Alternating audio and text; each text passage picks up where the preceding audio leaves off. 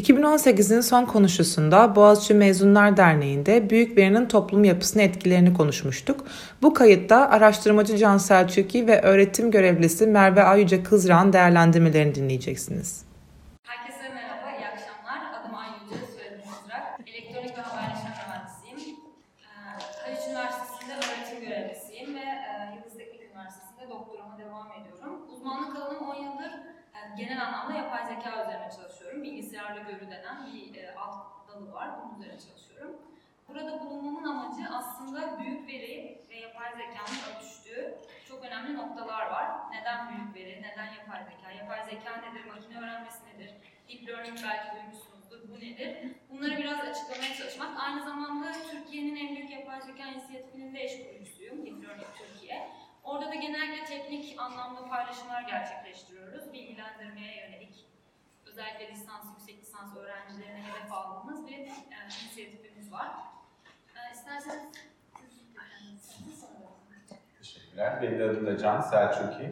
İstanbul Ekonomi Araştırma'nın genel müdürüyüm. İstanbul Ekonomi Araştırma, e, kamuoyu araştırmaları yapan, pazar araştırmaları yapan, aynı zamanda Big Data Analytics yani büyük veri analizi e, yapan e, bir firma. Ben de bu şirketin üçüncü kapasitesinden dolayı, bu büyük veri analizi kapasitesinden dolayı buradayım. Biraz daha bizim işimiz tabii ki de toplumdaki trendleri, eğilimleri ölçmek olduğu için bu büyük verinin toplumsal yapıya nasıl etkileri var? Biraz onlardan bahsetmeye çalışacağım e, ve de umarım güzel bir sohbet olur. Şimdi büyük veri biliyorsunuz böyle anahtar kelimeler var, buzzword deniyor bunlara. İşte en son Endüstri 4.0 bayağı bir konuşuldu. İşte televizyonlarda onlar eskitildi. Twitter'da hepimiz atlayan zıplayan robotları gördük. Eyvah mahvolduk dedik. İşte Endüstri 4.0 geliyor. Büyük veri geliyor. Robotlar işte bizi köleleri yapacak. Onlara yemek yapacağız falan gibi böyle tevatürü ortalıkta dolanıyor. Herkes şey yapıyor. Her yerde konuşmalar. Fakat biz bugün istiyoruz ki aslında bu büyük veri ne ola? Ve de büyük veri ne olanın ötesinde büyük veriyle yapay zeka arasında nasıl bir bağlantı var? Ve de daha sonra şu anda geldiği aşamada neleri içeriyor dünya için ve Türkiye için ve de buradan nereye gidebilir biraz onları e, konuşmak istiyoruz. Aslında ayrıca belki sohbete seninle başlayabiliriz. Yani bu büyük veri nedir ki? İyi bir şey midir? Kötü bir şey midir? Yapay zeka, ro- köle mi olacağız robotlara? Ne diyorsun? Evet, aslında büyük veri nereden çıktı? Yapay zeka ilişkisi nedir? Yapay zeka nedirle başlamak istiyorum.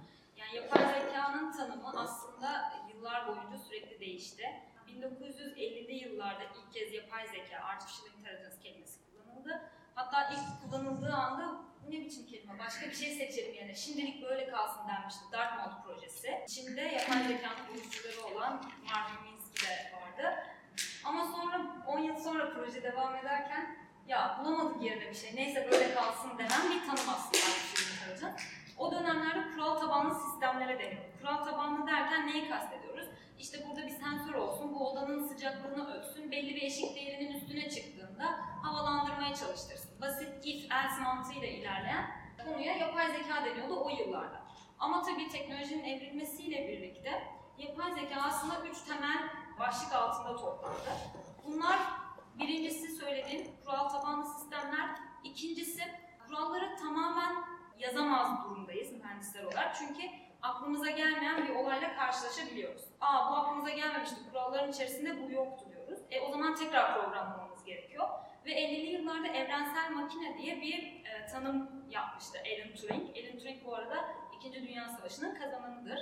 Kriptoloji üzerine çalışan bir matematikçi. Evrensel makinenin tanımı da şu, Mind dergisindeki makalesinin daha ilk paragrafında Can machines think diyor. Ve o zaman ilk defa bir makinenin düşünme ihtimali konuşulur hale geliyor. Fakat makalenin sonundaki cümleler daha önemli.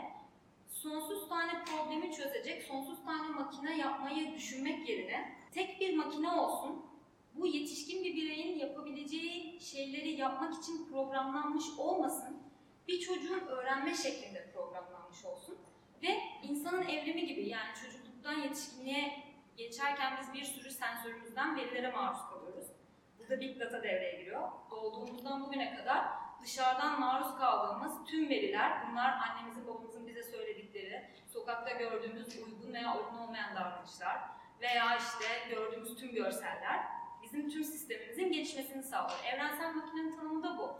Öyle bir şey tasarlayalım ki bu öğrenme yapısını kurgulamış olalım matematiksel anlamda ve e, sistem öğrenebilir olsun. Bunun için Alan Turing buna ismini de veriyor değil mi? Şu anda Turing test değil, Evet, o consciousness Turing Machine deniyor. Turing Machine deniyor. Bu bir ütopyaydı o zaman. Ama şimdi şöyle bir durum var. Bu öğrenmeyi sağlayabilmesi için de tabii sadece matematiksel model yeterli olmuyor. Üzerine anatomik ve fizyolojik aynı zamanda neuroscience dediğimiz beyin bilimi de devreye giriyor. Çünkü bu sefer insan nasıl öğreniyor sorusu devreye giriyor. Böylelikle multidisipliner bir yapı ortaya çıkmış oluyor yapay zekanın tanımında ikinci aşamada. Kural tabanlıdan öğrenebilen yapıya geçtik. Şimdi öğrenmeyi mükemmel bir şekilde modelleyebilmemiz için insanın nasıl öğrendiğini çok iyi biliyor olmamız lazım ki şu anda onu bilmiyoruz. O halde burada bir trik bulmalıyız. Bu da şu anda çalışan sistemler.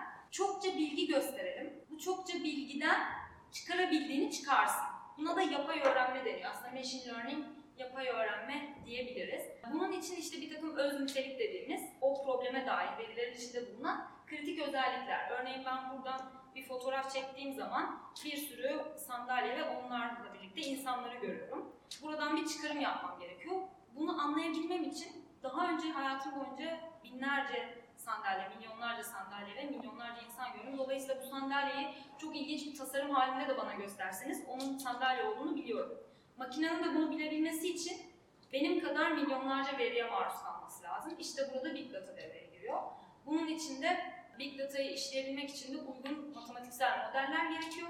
Bu modeller büyüdükçe ve derinleştikçe adı Deep Learning olmuş oluyor, derin öğrenme. Aslında veri toplayabilme kapasitemizin artması birincisi ve ikincisi de bunları işleme kapasitemizin artması e, bizi farklı bir mecraya getirdi. Evet, öncesinde bu verileri toplayamadığımız gibi, tutamadığımız gibi bir yerden bir yere transfer etmek de mümkün olmuyordu. Şimdiki e, gelişen teknolojiyle birlikte bunları tutabilir, saklayabilir, doğru bir şekilde tutmak önemli tabii. Ve işleyebilir hale geldiğimizde aslında burada yapay zeka devreye girmiş oluyor. Şimdi burada belki ufak bir örnek vermek e, iyi olabilir. Mesela nasıl gelişti veriyi işleyebilme kapasitemiz? 1980 yılında e, Amerika'daki e, nüfusu ölçmekle sorumlu Census Bureau 1980'de sayım yaptığında oradan gelen datayı işlemelerinin ve anlamlı hale getirmelerinin 5 yıl, 6 yıl süreceğini öngörüyorlar. Ve de şöyle bir e, tahminde bulunuyorlar. 1990'da bu işi ölçtüğümüzde bu bizim 10 yılımızı alacak diyorlar. Yani düşünün 1980'deki işletme kapasitesi yani CPU dediğimiz olay basit bir nüfus sayımı yani o zaman ne kadar olsun 200-250 milyonluk bir ülkedeki nüfus sayımının sonuçlarının işlenmesi için 5-6 yıl 10 yıl sonra da teknoloji böyle giderse 10 yıl sürecek diyorlar. Oradan şimdi buraya büyük verinin 1 milyar yani milyarlarca e, veri noktasını işleyebilme durumuna geldi. Şimdi aslında sohbet ederken şey yapmıştık büyük veri tarihte ilk defa ne zaman çıkıyor? Aslında büyük veri dediğiniz ve işlemesi datanın istatistiki olarak işlenmesi. Bunun tarihte ilk kaydı 1663 yılında Londra'da veba salgını sırasında Londralı bir doktor kayıtları tutarak ölüm oranlarını analiz etmeye şey yapıyor ve de istatistiki, yani statistical inference dediğimiz istatistiki çıkarımlar ilk defa dünyada kaydedilen 1663 yılında Londra'da oluyor. Tabi oradan buraya çok yol e, kat ettik ama aradaki esas fark datanın kat be kat artmış olması ve onun işlemleme kapasitemizin neredeyse o güne kıyasla sınırsız hale gelmiş olması. Aslında internet kırılma noktası. Eskiden verileri disketlerde tutmaya çalışırken şimdi artık telefonlarımızın gigabaytları yetmeyince cloud üzerinde, internet sistemler üzerinde yani aslında ortada bir bulut yok. Google'ın bir serverına gönderiyoruz Amerika'ya. Orada sınırsız süre boyunca tutulmasını sağlıyoruz. Burada aslında şöyle bir şey var. Sadece CPU'lar değil artık CPU'ların yetmediği koca koca hatta okyanusun üzerine serilmiş bir vaziyette şeyler var, serverlar var. Hem soğutmadan da tasarruf ediyorlar. Google'un böyle bir yapısı var. GPU'lar üzerinde işlemler gerçekleşiyor. Özellikle yapay zeka uygulamaları, büyük dataları işleyebilmesi için, big data dediğimiz e, büyük verileri işleyebilmesi için GPU'lar üzerinde çalışıyor. Bu grafik işleme birimi demek. Çok daha hızlı paralel çarpım işlemleri yapabilmesinden kaynaklanıyor. Ayrıca bir de TPU var. Tensor Processing Unit.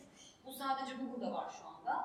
Ama tabii tüm bu süreçte, internet dedim en başta, internet ve sosyal medya aslında en önemli kırılma noktalarından biri. Çünkü biz gönüllü olarak verilerimizi yükleyip datanın daha da büyümesini sağladık. Facebook'a yüklediğimiz tüm o fotoğraflar bugün Facebook'un en iyi yüz tanıma algoritmasını tasarlamasına elverişli hale geldi. Bugün telefon kullanan herkesin cebinde kullandığı uygulama aslında bir yapay zeka uygulaması. Eğer Instagram'ı ya da Snapchat'i ya da Twitter'ı kullanıyorsanız Amerika seçimlerine gidişatını etkiliyorsunuz demektir. Bu da yani her koşulda yaptığınız her hareket siz isteseniz de istemeseniz de dünyadaki bazı şeylerin değişmesini sağlıyor. Burada katılmak istediğiniz bir şey var mı? Siz sosyal medya üzerine bayağı Aslında yani birazdan gireceğim. Ee, Burada enteresan bir şey var. Şimdi internetin ve de sosyal medyanın bize vaat ettiği topraklarda şunlar vardı. İşte hepimiz fiziki gettolardayız. İşte herkes kendi mahallesinde komşularıyla beraber konuştuğu için kimse farklı görüşlere ekspoze olamıyor. Sonuç olarak işte ne bileyim eşinizin ailesi, komşunuz, arkadaşınız kendi fiziki alanınızda size ne veriyorsa hayat görüşünüz öyle şekilleniyordu. Sosyal medyanın, internetin bir numaralı vaadi şuydu. Bu duvarlar yıkılacak. Yani bir anne baba çocuğuna ne kadar baskıcı olursa olsun veya e, bir birey bulunduğu ortamın düşünce kalıplarıyla ne kadar sınırlandırılmış olursa olsun o ekranın başına oturduğunda artık şeyler yıkılmıştı, duvarlar yıkılmıştı ve de şey buydu muazzam bir demokrasi geliyordu. Çünkü bizi sosyal medya demokratikleştirecekti. İnternetin artan bant genişliği, daha interaktif içeriye erişimimizi sağlayacaktı ve de çok farklı düşünceleri ekspoze olacaktı. Gel gör ki olay böyle olmadı ve de bu aslında bizi çok daha e, kısıtlayan bir e, şeye getirdi ve de büyük datanın manipülasyonu birazdan geçeceğim.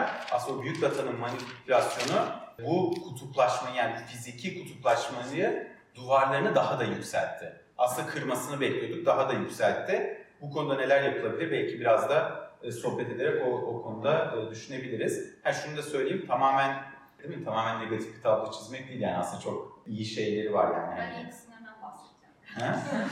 ben iyi kısımlarından bahsedeceğim. Sen biraz iyi kısımlarından bahset. Ben de nasıl toplumları yok oluşa götürüyor ondan bahsedeyim. bir orta nokta yakalayabiliriz bence. Ben biraz kullanım alanlarından bahsedeyim. Çünkü sadece hani burada sınırlı sürede sınırlı örnek gösterebiliyoruz size. Bir chart eklemek istedim. Burada kullanım alanlarına yönelik bir takım genel başlıklar var. Herkes e, yapay zeka dendiği zaman ilk akla robotlar geliyor. Robotlar sadece bir uygulaması diyebiliriz. Robotlar aslında şöyle şey. Hepsini bir robot olarak düşünürseniz siz bir bankayı aradığınız zaman karşınıza çıkan kişi de aslında bir sohbet robotu. Çünkü sizin söylediklerinizi anlamaya çalışıyor. Anladığı, anladığı duruma göre sizi doğru adrese yönlendirmeye çalışıyor. E, bu da bir e, sohbet robotu diyebiliriz. Ses işleme için kullanılır, görüntü işleme için kullanılır. Onun dışında çeviriler için Google Translate'i mutlaka herkes bir şekilde kullanmıştır. Onun dışında classification dediğimiz ki bu işte sosyal medyadaki bazı tanımlamaları yapabilmemiz için, kümelemeleri ayırabilmemiz için toplumlar e, neye doğru gidiyor ya da işte bir şirketin gelecek planını tasarlayabilmesi için ya da atıyorum e, bir bakım yapmanız gerekiyor. Bir fabrikanın sahibisiniz ve fabrikada bir sürü e, cihazınız var ve bu cihazları belli oranlarda bakımları alıyorsunuz şu bu. Buradan bir tasarruf sağlamanız gerekiyor. İşi yönetebiliyor olmanız gerekiyor. İnsanlar üzerinde de, makineler üzerinde de, tüm iş akışı içinde burada kestirimleri yapmanızı sağlayan sistemleri aslında akıllı sistemler diyoruz ve bu, bu akıllı sistemler matematiksel anlamda birer yapay zeka örneği. Telefonunuzda eğer yüzünüzde bir filtre uyguluyorsanız bu da bir yapay zeka örneği. Çünkü yüzünüzün belli noktalarını seçmesini, hangi yere, hangi filtreyi oturtması gerektiği de aslında matematiksel bir problem ve bunun çözümü.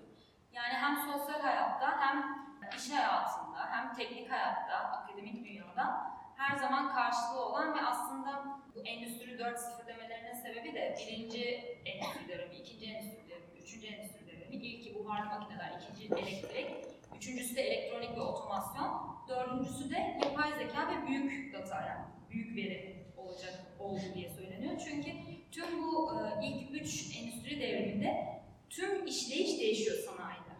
Burada da tüm işleyiş değişiyor. Çünkü önceden işte e, buharlı makineye, insan gücünden buharlı makineye geçildi ve gerçekten tüm sanayide dokuma makinesiyle birlikte başladı. Tüm sanayide bir değişim söz konusu oldu. Son endüstri devrimine geldiğimizde de akıllı sistemler tüm bu e, yönetim şeklini değiştirecek, sosyal hayat dahil. Bunun için tabii şöyle bir şey var, bazı çalışmalar gerçekleştiriyoruz farklı kurumlarda. Sosyal olarak insanlar e, bunlara hazır mı? Mesela Almanya Endüstri 4.0 tanımını Almanya gerçekleştirdi. Yapmış olduğu bir çalışma da 2006 yılında. Yani sürekli Çin'i üretim merkezi olarak kullanıyorlar. İşte prototipler Çin'e gidiyor, Çin'de üretiliyor ve geri dönüyor. Tabii Çin şu konuda çok iyi, geri, geri mühendislik diyoruz, tersine mühendislik. Giden tüm ürünleri tersine mühendislikle nasıl yapıldığını çözerek kendileri kendilerine bunu geliştirmeye çalışıyorlar. Ve e, 2006 yılında Almanya'nın hazırladığı raporda görülüyor ki 2006'dan, pardon 2011 yılında yapılıyor rapor. 2006'dan 2011 yılına en hızlı e, üretimde gelişen Çin oldu. Avrupa Birliği'ndeki 27 farklı konumdan, ülkeden alınan verilerle Çin'in arasında çok büyük bir fark var. Tek başına Çin'in arasında. Diğer e, Amerika zaten sabit kalıyor. E, Rusya zaten çok az üretiyorken yine çok az üretmeye devam ediyor. Çin'i burada kritik nokta gördüğü için Almanya diyor ki benim nüfusum yaşlı ve dolayısıyla benim e, bu fabrikalarımda sürekli Çin'e bağlı kalırsam sürekli Çin'in gelişmesini sağlayacağım ve ben geriye doğru gideceğim.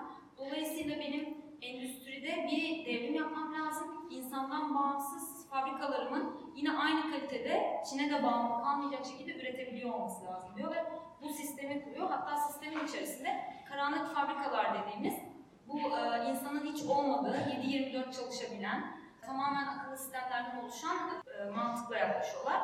Ki sonra Japonya'da Society 5.0 Toplum 5.0'la birlikte aslında bunun bir ütopya olduğu, Endüstri 4.0'ın işlemeyeceğini Almanya'da kabul ediyor. Çünkü insansız bir şey yapılamaz.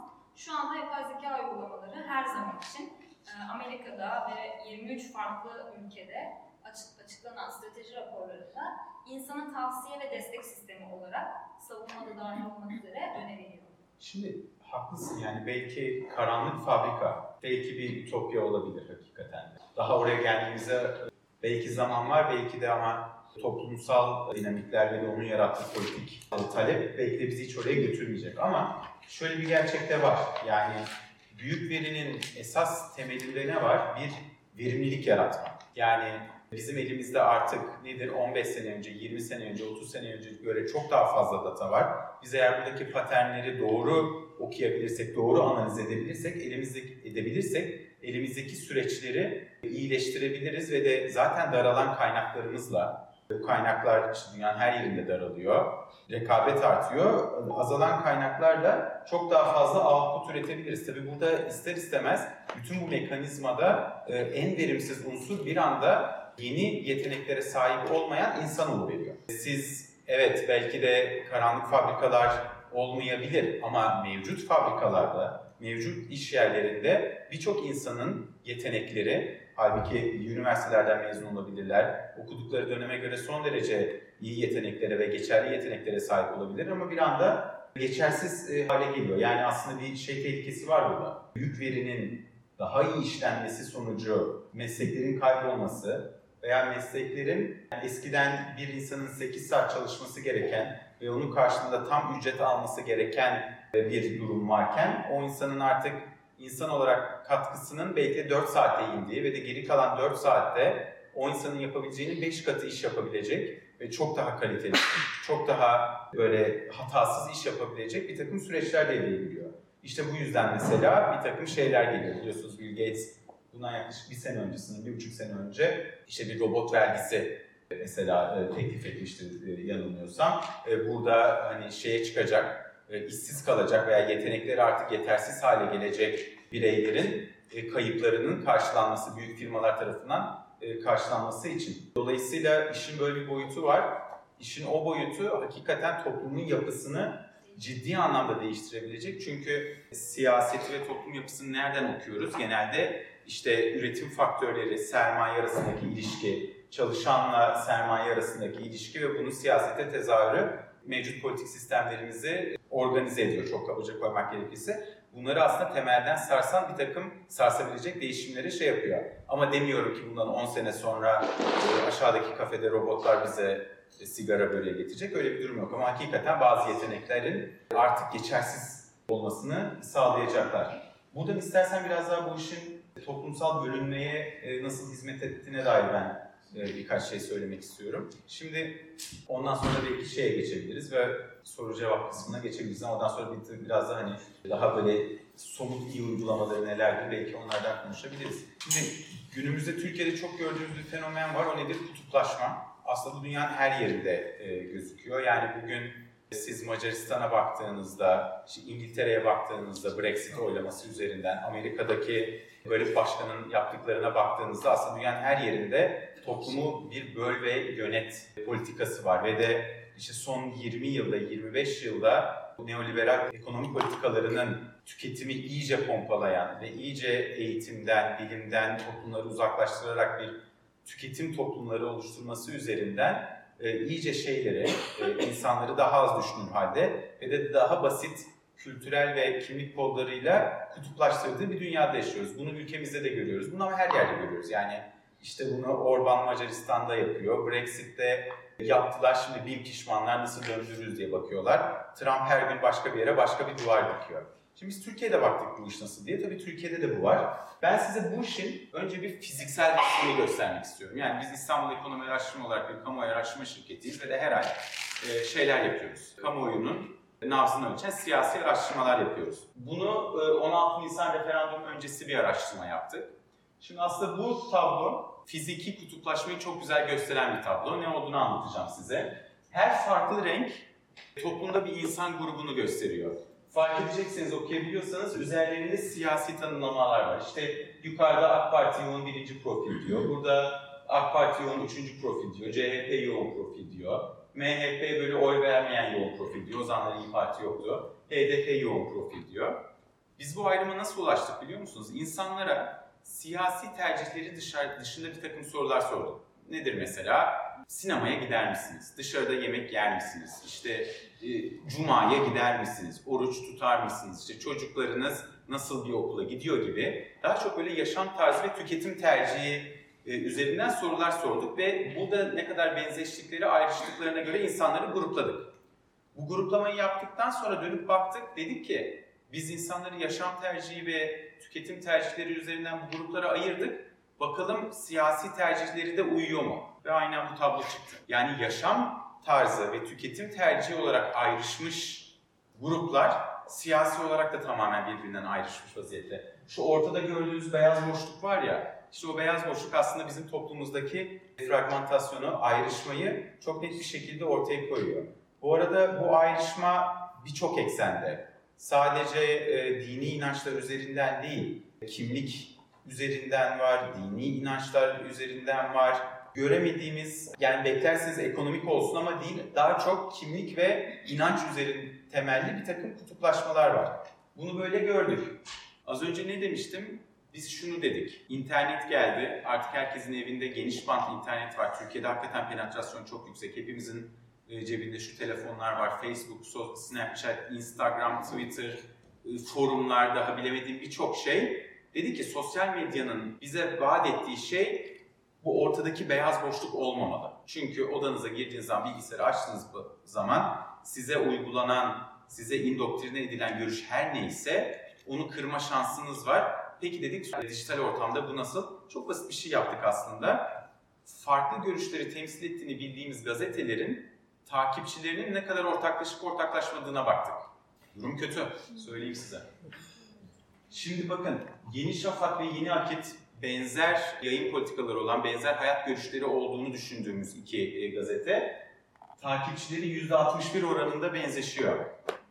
Cumhuriyet Sözcü takipçileri ve nispeten, e, nispeten değil onların karşısında olan Sabah, Yeni Şafak, Yeni Akit'e baktığınız zaman %3,5 ortaklaşıyor. A Haber Cumhuriyet Sözcü'ye baktığınız zaman Twitter takipçileridir bunlar. %2.41. Diken Yeni Çağ dediğimiz zaman %1.4. Yani bu istatistik olarak hatadır. Sonuç olarak Diken'le Yeni Çağ kesinlikle kesişmiyor. Yani ne oluyor o zaman? Niye anlatıyorum bunu? Fiziki kutuplaşma dijitalde olduğu gibi devam ediyor. Bundan bir seçim geçirelim. Siyasi spektrumun her tarafı bunu daha da pompalar. Korkum şu, bunlar artık birbirine değmemeye başlayacak. Şimdi ben bu hikayeyi niye anlattım? Şu yüzden anlattım çünkü büyük veri aslında burada devreye giriyor. büyük veri bu kutuplaşmayı arttırmak için fazla kullanılıyor. Neden ve nasıl? Örnekleri neler? Cambridge Analytica firmasını belki duymuşsunuzdur. İşte e, Trump e, kampanyasında devreye girdi. Daha sonra Brexit de devreye girdi. Ondan sonra Facebook datasını aslında illegal olarak milyonlarca kişinin datasını üçüncü e, şahıslarla paylaştığı anlaşıldı Facebook'un ve o üçüncü şahıs Cambridge Analytica'ydı. Adamlar ne yapıyor sonuç olarak? Sizin sosyal medyada ve internette milyonlarca veri setinizi kullanarak kendi reklam verme algoritmalarını sizin hoşunuza gidecek şekilde dizayn ediyorlar. Dolayısıyla sizi var olduğunuz kampa daha da sık sıkıya bağlıyorlar. Siz mesela bugünün Türkiye'sinden örnek vermeyeceğim. Farklı siyasi görüşlerden insanlar olabilir ama Amerika'dan örnek verelim. İş şuraya kadar gidiyor. Hillary Clinton'ı destekliyorsunuz. Fakat siz karşınızda sizle konuşurken göz kırpan insanlara, çok fazla göz kırpan insanlara sinir oluyorsunuz. Belki de babanız sizi küçük, küçükken azarlarken fazla göz kırpıyordu o yüzden. Bunu tespit ediyor ve de diyor ki ben bunu Trumpçı yapamam diyor.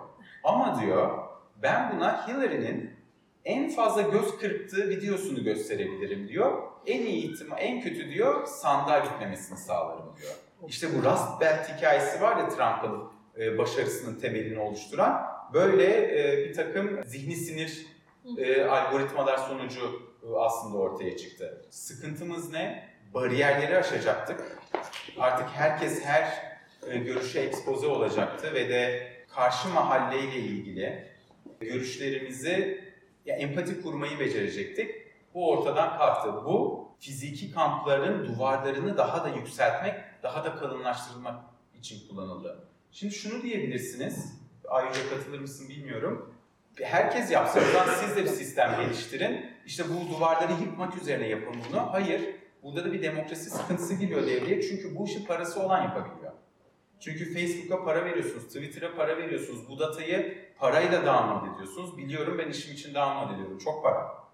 Yani bunu bir yere satmazsanız eğer, yani vakıf hizmeti olarak yapılacak bir iş değil. Dolayısıyla parası olan şirketler, o şirketleri işe alabilen devletler, o şirketleri işe alabilen istihbarat birimleri, o şirketleri işe alabilen siyasi partiler, terör organizasyonları, teşekkürler, bunu daha da kutuplaşmak için bir şeye döndürüyorlar. Bu da işte büyük verinin aslında bizim daha iyi anlayarak bizi farkında bile olmadığımız alışkanlıklarımızı ve de bunların milyonlarcasını inceleyerek nasıl kötüye kullanılabildiği bence dünyanın ve Türkiye'nin önünde çok ciddi sıkıntı. Herkes de buna uyanmış vaziyette. Türkiye'deki bütün siyasi partiler bakın şimdi seçim ortamına giriyoruz. Hepsi açıklama yapacak. Biz dijital kampanyaya dönüyoruz diye. %60'ı yalan olacak ama o %40 bile beni açıkçası çok korkutuyor. Şimdi burada böyle bir tehlike var. Ben burada şey eklemek istediğim bir şey var. Mesela siz çalışmalarınız için ya da işte ben çalışmalarım için bir kısım veriyi indiriyorum. Nereden indiriyorum? Atıyorum Google'dan indiriyorum. Google'da zaten olan veriler bir kısmı bana açık. Ben onları indirebiliyorum, kullanabiliyorum. Bunu indirmek için, kullanmak için kısmen para ödenenler var, ödenmeyenler var. Para ödeyeceğinizi varsayalım. Bir de bunları işleyebilmek için Tabii. tabii Türkiye'de böyle bir donanım hizmeti olmadığı için yine dışa bağımlılık söz konusu. Ben yine Google'ın serverlarını kullanarak üzerinde çalışıyorum. Dolayısıyla benimle çalıştığım hakkında herkes fikir sahibi. Ben burada gizli bir şey yapamam. Tabii. Kendi ülkemde, kendi ülkem için bir proje gerçekleştiremem. Dolayısıyla herkes biliyor. Bir de şöyle bir şey var. Tüm bu verdiğiniz örneklerde, örneğin Amerika'daki bir seçim kampanyasında karşılaşılan şey aslında günlük hayatta bizim severek tavsiye almamız. Çünkü biz istiyoruz ki mailimizi açtığımız zaman gelecek tatil planınız şurası mı acaba? Aa evet nasıl da bildi? Hemen orası gerçekten de. Acaba orada hangi oteller var? Hangi şeyler var? Ya da işte önceki alışverişlerimize göre bize öyle bir mesaj geliyor ki gerçekten biz o hafta öyle bir ürün almayı düşünmüştük. Vay falan diye böyle. Hatta annem gözlüğü kırılıyor ve iki dakika sonra, üç dakika sonra şöyle Instagram'a bakarken gözlük reklamı görüyor. Reklam nasıl karşısına çıktı diye. Beni arıyor diyor ki bizim telefonlarımızı dinliyorlar mı? Bana doğruyu söyle. Lütfen bana doğruyu söyle. Ben de hayır anne telefonunu dinlemiyorlar. Çünkü WhatsApp'tan mesaj göndermişsindir, anahtar kelimeleri kullanmışsındır vesaire. Bunlar günlük hayatta aslında karşılaştığımızda e, hoşumuza giden şeyler olsa bile şöyle yukarıdan baktığımız zaman tüm toplumların kendine has e, davranışları var. Ben benim nasıl kendi parmak izim varsa ya da benim oturduğum semtteki insanların bazı ortak davranışları varsa işte genellikle akşam saat kaçta eve varmış oluyorlar vesaire. Temel e, davranış şekilleri tepeden baktığınız zaman ülkelerin parmak izi haline geliyor. Yani aslında bir biyometrik veri olmuş oluyor. O ülkenin e, belli bölgelerindeki davranışlar analiz edilerek. Tüm bu davranış verisi nerede var? Benim telefonumun var, Apple'da var. İşte kullandığım mail hesabımın şirketinde var, Google'da var, Facebook'ta var. Bunlar aslında... Burada biliyorsun WhatsApp da bunu agrege Evet. olarak satıyor. Aynı şekilde. Yani Şey, burada sadece şey değil, hani olayın tehlikeli boyutuna ben bir anda iyi tarafından bahsedeceğim demiştim ama... Dur geleceğiz geleceğiz. geleceğiz orada. İyi şeyleri var geleceğiz şey de ama. var yani. Tepeden bakıldığında dünyaya, yukarıdan bakıldığında her ülkenin kendi parmak izi de oluşuyor bu veriler sayesinde. Ve burada aslında siber ataklar, atıyorum ulaşım verisi her gün, özellikle toplu taşıma İstanbul'da, Ankara'da sıklıkla kullanılıyor. Toplu taşıma verisi her gün akışın ne kadar oranda nereye doğru olduğu, hangi saatlerde olduğu, tüm ulaşım sistemi sonuçta akıllı. Bunların hacklenmesi vesaire çok basit işlemler haline Veya gridin elektrik şeyinin Evet. e, hacklenmesi veya daha da gideyim e, nükleer kapasitesi olan ülkelerde nükleer kapasitenin hacklenmesi. Burada bir etik meselesi var. O çok büyük bir tartışma. Şöyle bir gidip çıkalım. Az önce verdiğim örneklerde mesela siyasi propaganda yapmak yasak değil. Siyasi propaganda yapmak etik dışı bir olay da değil. Dolayısıyla burada çok zor bir çizgi var aslında. Trump'ın Hillary seçmenine bir şey göstermesi biliyorsunuz Amerika'da Türkiye'nin aksine negatif reklam da yapabiliyorsunuz. Dolayısıyla onlar onu etik dışı bir şey olarak da görmüyorlar. Yani Hillary ne kadar kötü bir kadın, boyu batsın da diyebilirsiniz anlatabildim mi? Yani bunu diyebilirsiniz ve bu etik dışı görülmüyor. Yaptığınız her şey hem legal, kesinlikle ama o çizgi nerede çiziliyor? O bizim konumuz dışı bence ama böyle de çok derin ve de aslında e, sonu belli olmayan bir tartışma var burada. Burada Türkiye'de çok vizyoner e, tanıdığım biri var. E, AI Ethics Lab diye bizim kurduğu yeni startup. İsmini de verebilirim Cansu Canca. Kendisi Harvard'da da öğretim görevlisi olarak çalışmış. Uzak Doğu'da da doktorasını tamamlamış birisi. Aslında felsefeci. Yapay zeka konusunda da kendini geliştirmiş birisi ve bizim topluluğumuzda da aktif olarak görev alan birisi. Startup'ında tamamen konunun etik boyutuyla ilgileniyor. Amerika ve Türkiye ortak çalışıyor. Gerçekten çok stratejik kararlar verilmesi gerekiyor. Çünkü bu sadece hani sosyal medyadaki e, topluma etkisi değil, tıp alanında, hukuk alanında çok önemli kuralların belirlenmesi gerekiyor. Aksi halde ucu sonu olmayan bir boşluk. Sürekli oturup tartışılabilen bir.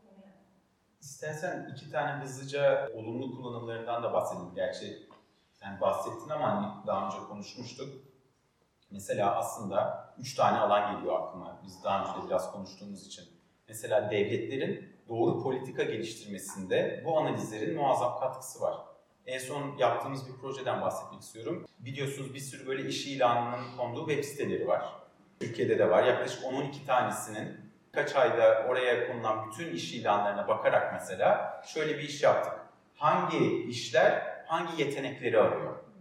Ve de Türkiye'de iş piyasası hangi yetenekleri giderek daha fazla arıyor? E, Az önce bazı yeteneklerin artık ihtiyaç dışı haline geldiğini e, konuştuk. Mesela devletin politika yapıcılarının elinde böyle bir şey. Toplumu arz, talebin arttığı yetenekler doğrultusunda eğitim programlarını değiştirme yönünde politika değişikliklerine, müfredat değişikliklerine gidebilecek veya o tip üniversite programlarını destekleyebilecek politikalar geliştirmeye de şey yapabilir. Mesela politika alanında politika geliştirme, politika derken hani bakanlıklardan, kanunlardan, kanun yapıcıdan bahsediyorum. Politika e, yapma bakımından e, bu veri çok farklı e, şekilde kullanılabilir.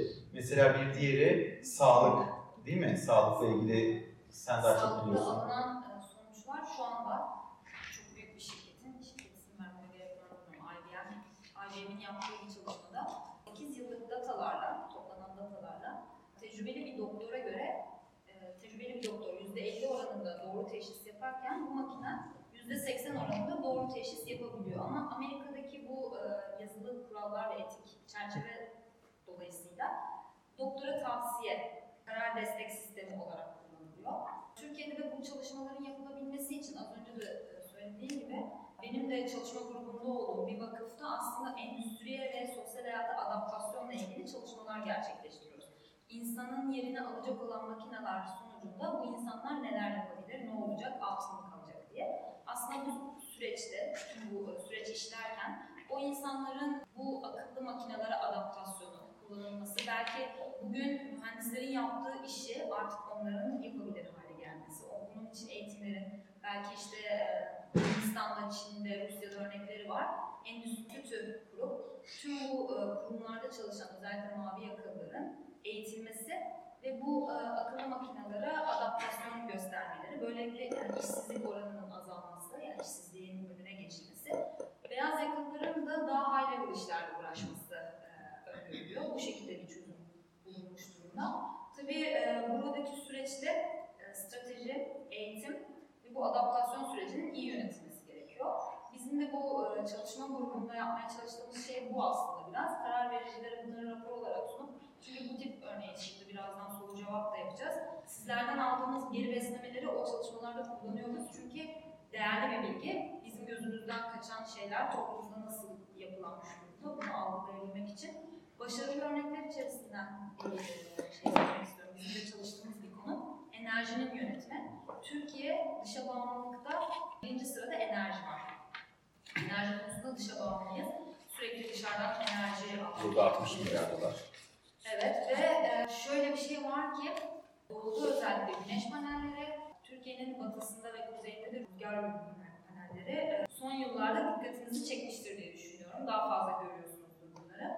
Fakat bunlar da aslında hani enerji verimliliğini sağlamak için düşünülse de temel amaç verimliliği daha doğrusu şu anda kullanılan, tüketilen elektriği örneğin, elektrik örnek veriyorum, minimize etmek. Yani en optimum şekilde kullanmak, zararı minimize etmek, riski minimize etmek ve karlılığı artırmak. Tüm bu paneller vesaire yeni teknoloji dediğimiz yenilenebilir enerjide de bakım sistemlerinin doğru şekilde yapılması. Mesela alıyoruz, onları kuruyoruz. 10 yıl sonra yenisi geldiğinde onlarla değiştiriyoruz. Bu yenilenebilir enerji stratejisi değil. Çünkü onun bakımının sağlanması, onun, onun da yenilenebilir olmasına karar vermemiz lazım. Bununla ilgili çalışmalar başladı. İyileştirme yapılmaya başlandı akıllı sistemlerle. Bu da iyi uygulamalarından biri. Tesadüfen geçtiğimiz hafta bir organizasyonda modacı Arzu Kapro ile tanıştım. Hep böyle teknolojiden şey yapmayayım, birazcık daha hani sosyal şeylerden de. Çok şaşırdım. Kendisiyle sohbet ederken sürekli parametre, veri gibi böyle bizim sık sık kullandığımız anahtar kelimeleri kullanıyordu ve ben bir modacıyla mı konuşuyorum yoksa bir mühendisle mi konuşuyorum diye şaşırdım. Çünkü akıllı kıyafetler tasarlıyorlarmış. Ve konuşmasından da çok etkilendim. Şu şekilde çok vizyoner bir bakış açısı olduğunu fark ettim. Bundan sonra modacılar diyor, ürünlerini üretip satmayacaklar. Çizimlerini, parametreleri satacaklar. Aslında çok mantıklı. Ben sabah uyandığımda ya ben bugün e, kırmızı ayakkabı giymek istiyorum. Gireceğim sisteme, kırmızı ayakkabının parametrelerini indireceğim. Tabii her evde 3D printer olacak. Hmm. Ve zank diye bana ben kahvemi içerken hazırlanırken ayakkabımı bana basacak. Jet gibi kendisi. Gibi mesela. Ve bunu yapıyorlar gerçekten. Şu anda prototipte üretmişler akıllı için.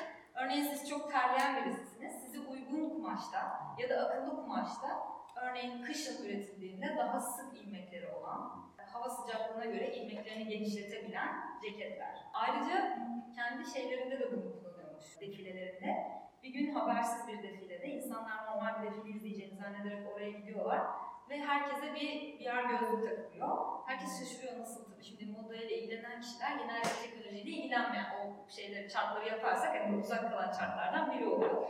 Nasıl kullanılacak falan derken yeri batan sarnıcını 160 derece dizayn etmişler. Yalnızca bir şey manken kullanmışlar çekimler için. Ama tabii bir mankeni çoğaltmışlar görüntüde. Ve insanlar böyle yıldızların arasında, yarı batan sarnıcının içinde son derece ütopik bir ortamda e, defile izlemişler ve kıyafetler gerçekten yok.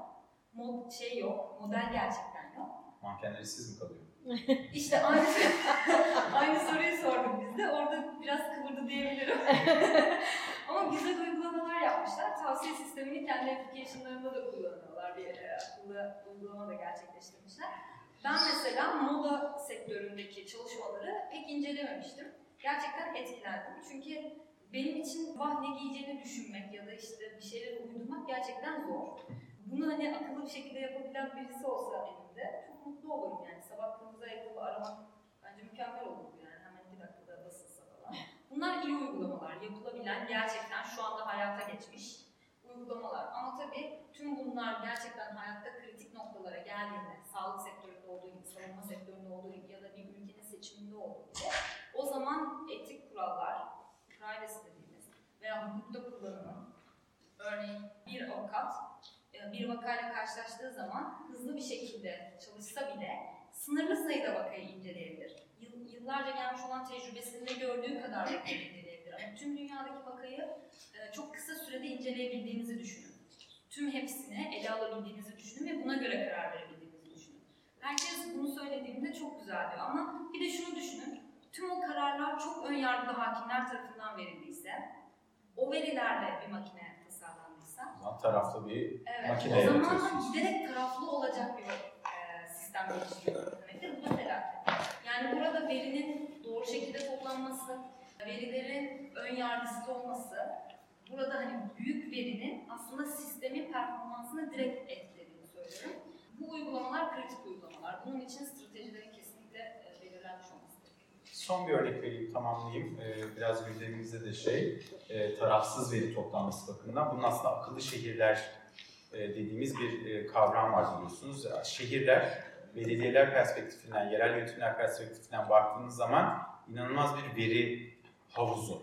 Yani gördüğünüz her trafik lambası, gördüğünüz her çöp kutusu, gördüğünüz her kaldırım, gördüğünüz her otobüs durağı aslında bir şehirdeki gürültü, insan kalabalığı, işte hava kalitesi, trafikle ilgili milyonlarca, milyarlarca günlük bazda veri sağlayan şeyler, veri toplama, reseptörler, sensörler ve de aslında büyük verinin burada e, akıllı şehirler için e, çok iyi uygulamaları var. E, tabii ki de bu kamu bütçesinin çok daha verimli bir şekilde harcanması sonucunu doğuruyor ve o verimle o yani o arta kalan paranın çok daha sosyal alanlara aslında e, aloke ayrılabileceğini e, bize söylüyor. Dünyada çok güzel uygulamaları var ve çok iyi uygulamaları var. Yerel seçim yaklaşıyor. İstanbul'daysanız veya başka bir yerdeyseniz bir aday adayı gelirse yapışın yakasına büyük veriyi nasıl kullanıyorsunuz, akıllı şehirlerle ilgili ne yapıyorsunuz diye sorun diye tavsiye ederim size. Çünkü büyük verinin kullanımında yarattığı verimlilik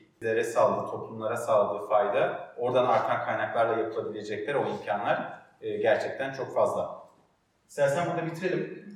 Çok teşekkürler. Dinlediğiniz için de çok teşekkürler.